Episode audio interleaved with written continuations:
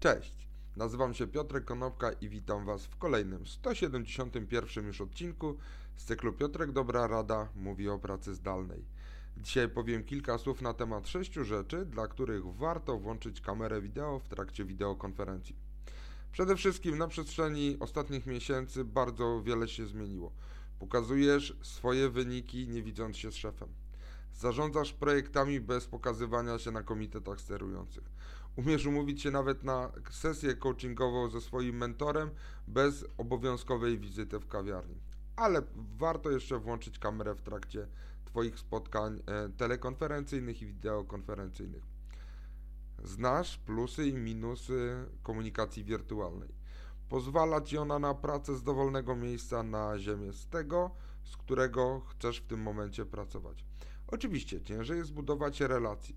Niektórzy doceniają kapcie i dresy w pracy, ale ciężej jest uprawiać w ten sposób wirtualny networking. Używanie kamery na co dzień jest zadziwiająco wyczerpujące. E, Zoom fatigue syndrome to nie jest y, tylko puste hasło. Jesteśmy cały czas pod mikroskopem, widać na, jak na dłoni nasze plusy i minusy. Można nawet ocenić mieszkanie, co być może zostanie później nawet wykorzystane w trakcie rozmów, jeżeli kiedyś pandemia się skończy i ludzie wrócą do pracy takiej stacjonarnej i będzie hasło: albo ty w mieszkaniu masz to, albo ty w mieszkaniu masz tamto.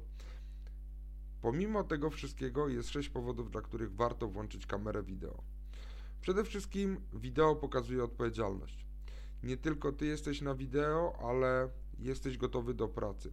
Jeżeli nie włączysz kamery, inni, którzy cię nie widzą, mogą przypuszczać, że jesteś nieogolony, nieuczesany, w piżamie, wstałeś za późno. Pokazanie się na kamerze w zupełności to wyklucza.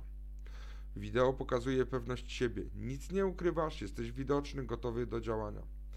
Wideo po pokazuje zauf i buduje zaufanie i raport.